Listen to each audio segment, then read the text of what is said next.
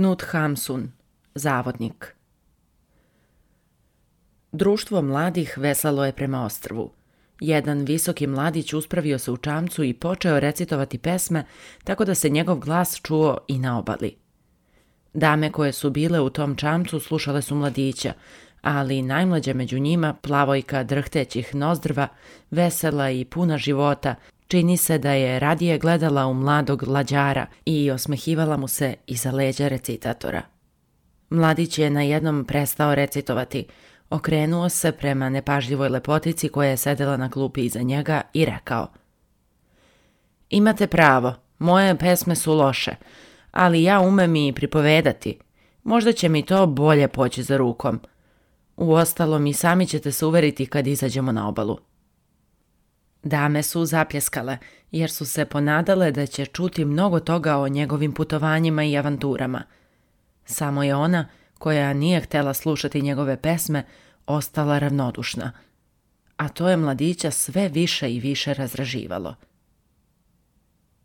Šta vi zapravo hoćete? Upitao je već očajan. Šta hoću?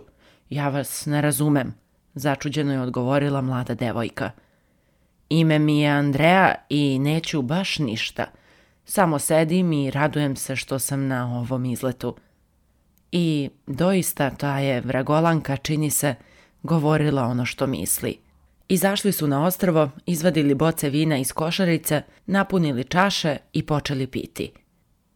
Tamo podalje uz obalu iza niskog šipražja vetar je donosio razdragani smeh. To su Andreja i Lađar tražili jaja morskih ptica. Da vas čujemo, pričajte, obrati se družina mladom čoveku. Zovite sve ovamo, neka dođe i Andreja, odgovori mladić.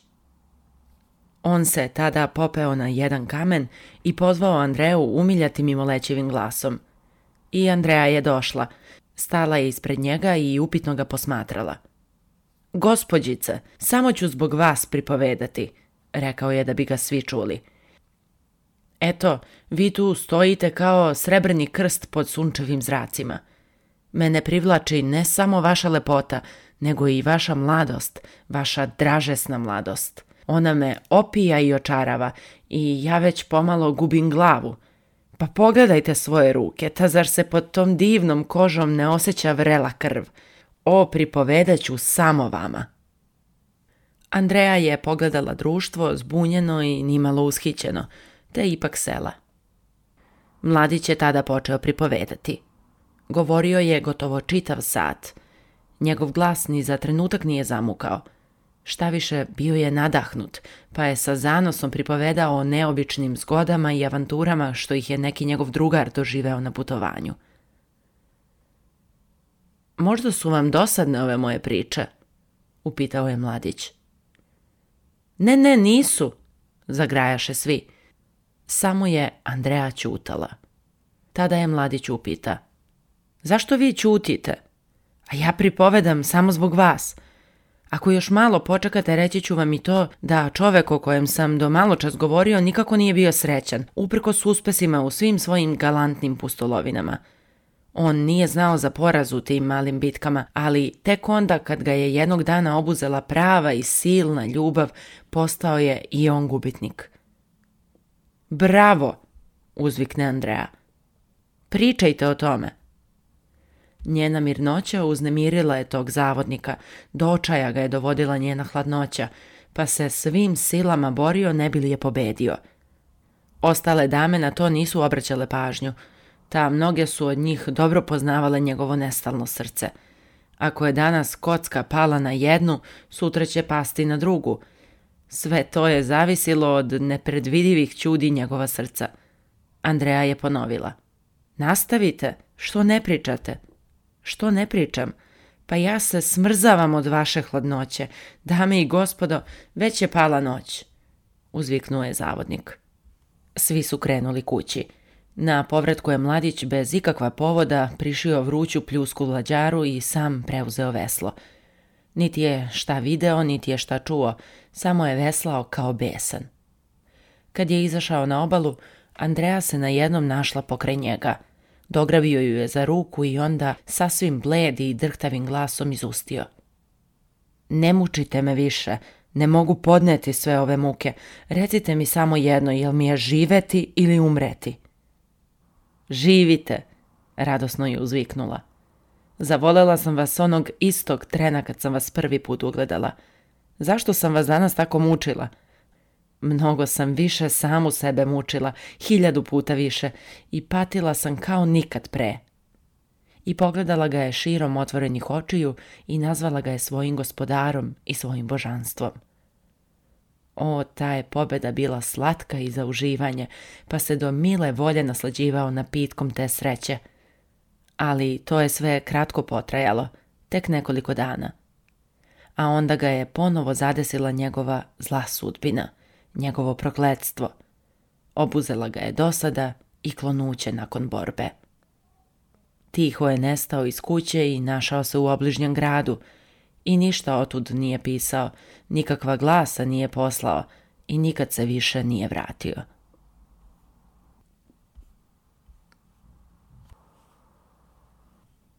Pre dva dana stigao je u ovaj tako pusti i dosadni gradić u kojem se više ništa nije moglo dogoditi što bi uticalo na taj monotoni ritam života ili, ne daj Bože, promenilo njegovu užasnu čamotinju – i srce putnika koji je tu stigao beše isto tako pusto i prazno. Oceo je u malom turističkom hotelu u kojem gosti behu prava redkost. Jedne večeri, penjući se stepeništem, sretne damu koja je silazila sa sprata. Skinuo je šešir kad je prošla pokraj njega. Iščezla je u vrtu. Na njegova zapitkivanja vlasnik mu je odgovorio da je dama sa svojim ocem tek pristigla u hotel. Njena dugačka haljina od zelene tkanine, veliki šešir i jahački knut, svega je to nagnalo da zastane na stepeništu. Ona ga je tek ovlaš odmerila onim brzim, gotovo nehotičnim pogledom, a onda je jednom rukom podigla haljinu i prošla pored njega. Mladić je krenuo za njom u vrt. Bilo je sedam sati i već je pala rosa. Vlažno je, izustio je prilazeći mladoj dami. Pokazao je na njene cipele. Ona se okrenula i htjela je otići od njega. Oprostite, rekao je. Nisam pošao za vama da bih zapodenuo bilo kakav razgovor, nego da bih vas upozorio na rosu i vlagu. Samo sam vam to hteo reći, jer možda niste opazili rosnu travu i vlažne staze. Hvala vam, ali ja dobro vidim da je posvuda vlažno, odgovorila je. Ja sam vas pozdravio na stepeništu, nastavio je. To sam ja tamo stajao i pozdravio vas, a vi ste me tek letimice pogledali. Taj je vaš pogled uticao na mene sasvim čudno i na poseban način. Šta vi zapravo želite? Upitala je odlučno. Tada mu je srce počelo tući kao kakav mali čekić i on se više nije mogao savladati, pa je uzviknuo. Evo, predajem se. Radite sa mnom šta god hoćete. Uzmite sve što imam ako mislite da što god tražim od vas. Ja sam samo hteo postajati pokraj vas i uživati u vašoj lepoti. Da vi ne znate kako ste divni. Nikad nisam čula tako nešto. Rekla je hladno i pomalo uvređeno. Onda oprostite, promrmljao je klonulim glasom. Ona se okrenula i zagledala u vrt. Mladić je hteo popraviti svoju grešku pa je rekao – vi sad gledate te ruže, a možete li zamisliti da se među njima čuje neki žamor? Ja sam to čuo. Šta vi mislite? Razgovaraju li ruže među sobom i nije li to blago šuštanje u stvari njihov govor? Poslušajte, možda ćete razumeti govor ruža. Šta to one šapuću? No, devojka se već odmakla od njega. Zar sam opet rekao nešto nedolično? tužno je zapitao. Da, jer ovo nisu ruže već makovi, odgovorila je ona. To su dakle makovi, ponovio je. Zar vi ne mislite da je to šuštanje cveće u stvari njegov govor? Ali ona se opet udaljila od njega i on nije imao kada dovršiti svoje misli, jer su se za njom već zalupila vrtna vratašca. Baš lepo. Obuzelo ga je neko čudno raspoloženje. Prišao je do klupe i seo. Ta čudesna lepota mlade devojke beše ga sasvim ošamutila. Kada se začulo zvonce koje je pozivalo na večeru, on je ustao i krenuo u trpezariju. O, kad bi ona došla i sela za taj zajednički sto, o, kad bi je mogao pozdraviti. I ona je došla – u ruci je opet imala jahački knut. Pratio ju je otac, lepi i odvažan starac otmenog držanja. Sad treba biti snalažljiv, uljudno se pokloniti i sesti naspram nje.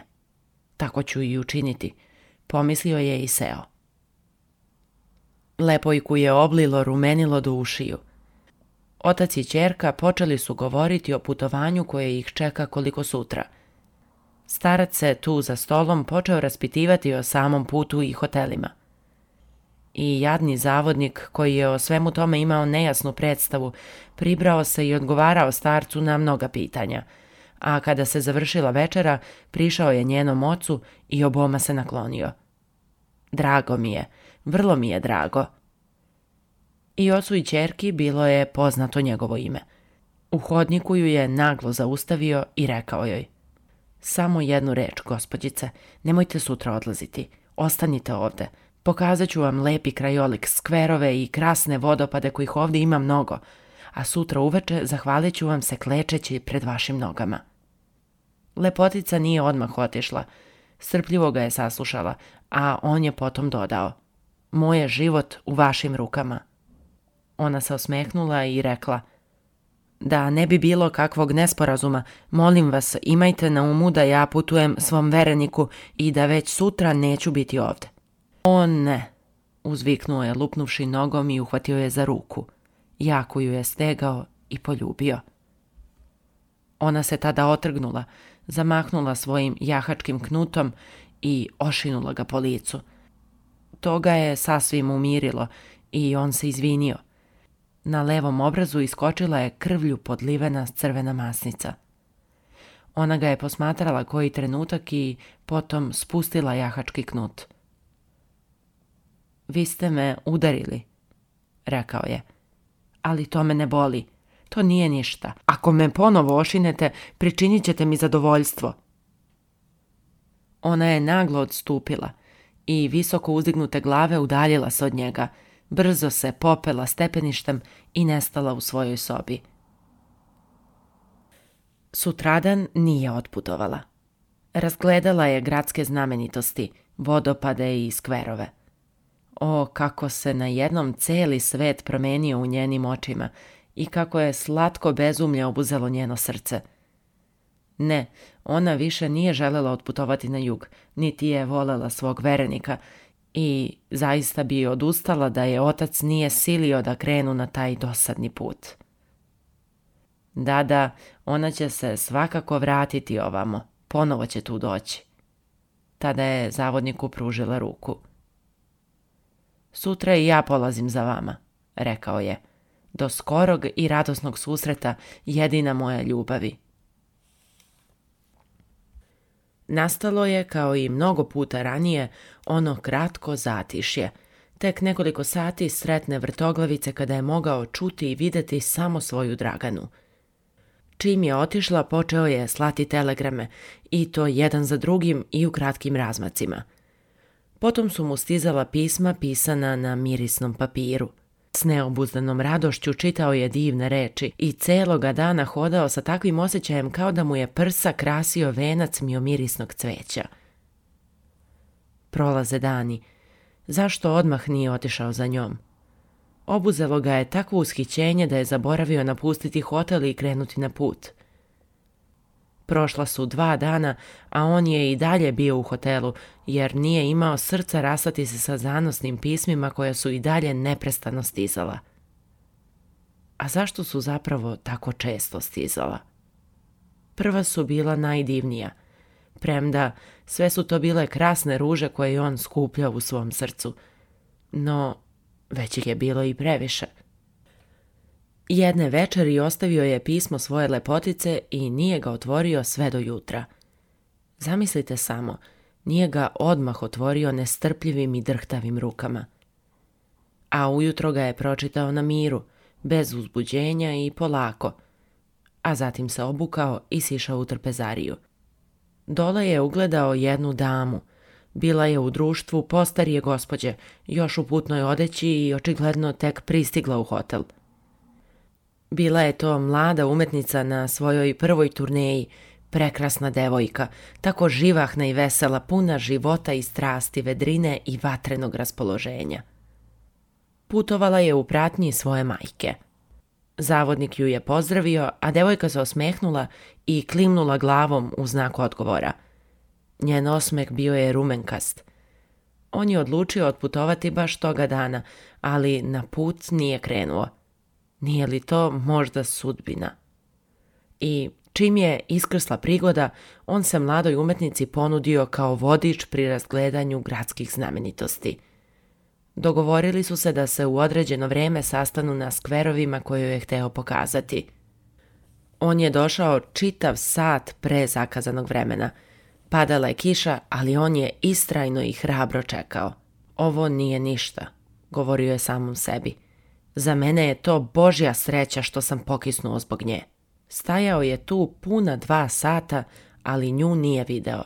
Napokon se pojavila njena mati i izvinila se u ime svoje čerke koja nikako nije mogla doći jer je morala posjetiti prijatelje koji žive u ovom gradiću. Stara gospođa je zamolila da oprosti njenoj čerki, ali uopšte ga nije pitala koliko je dugo čekao i nije li se prehladio na kiši. Vratio se u hotel, tumarao je tamo amo tim dosadnim hotelskim odajama. Nikako se nije mogao smiriti, bio je nestrpljiv i uzrujan. Zar se može tako dugo ostati kod svojih prijatelja? I o čemu ona može tako dugo razgovarati sa svojim prijateljima? Noć je uveliko pala, beše već kasno, tako da mu i nije preostalo ništa drugo do da legne videvši je više toga dana ali nije mogao zaspati. Zapalio je obe svetiljke i nije ih gasio. Kako mu je bilo teško i mračno u duši, kako su bolno zurile njegove oči u šare na tapetima. Napokon je čuo kad su se otvorila ulazna vrata. Počekao je malo, a zatim je skočio iz postelje i obukao se.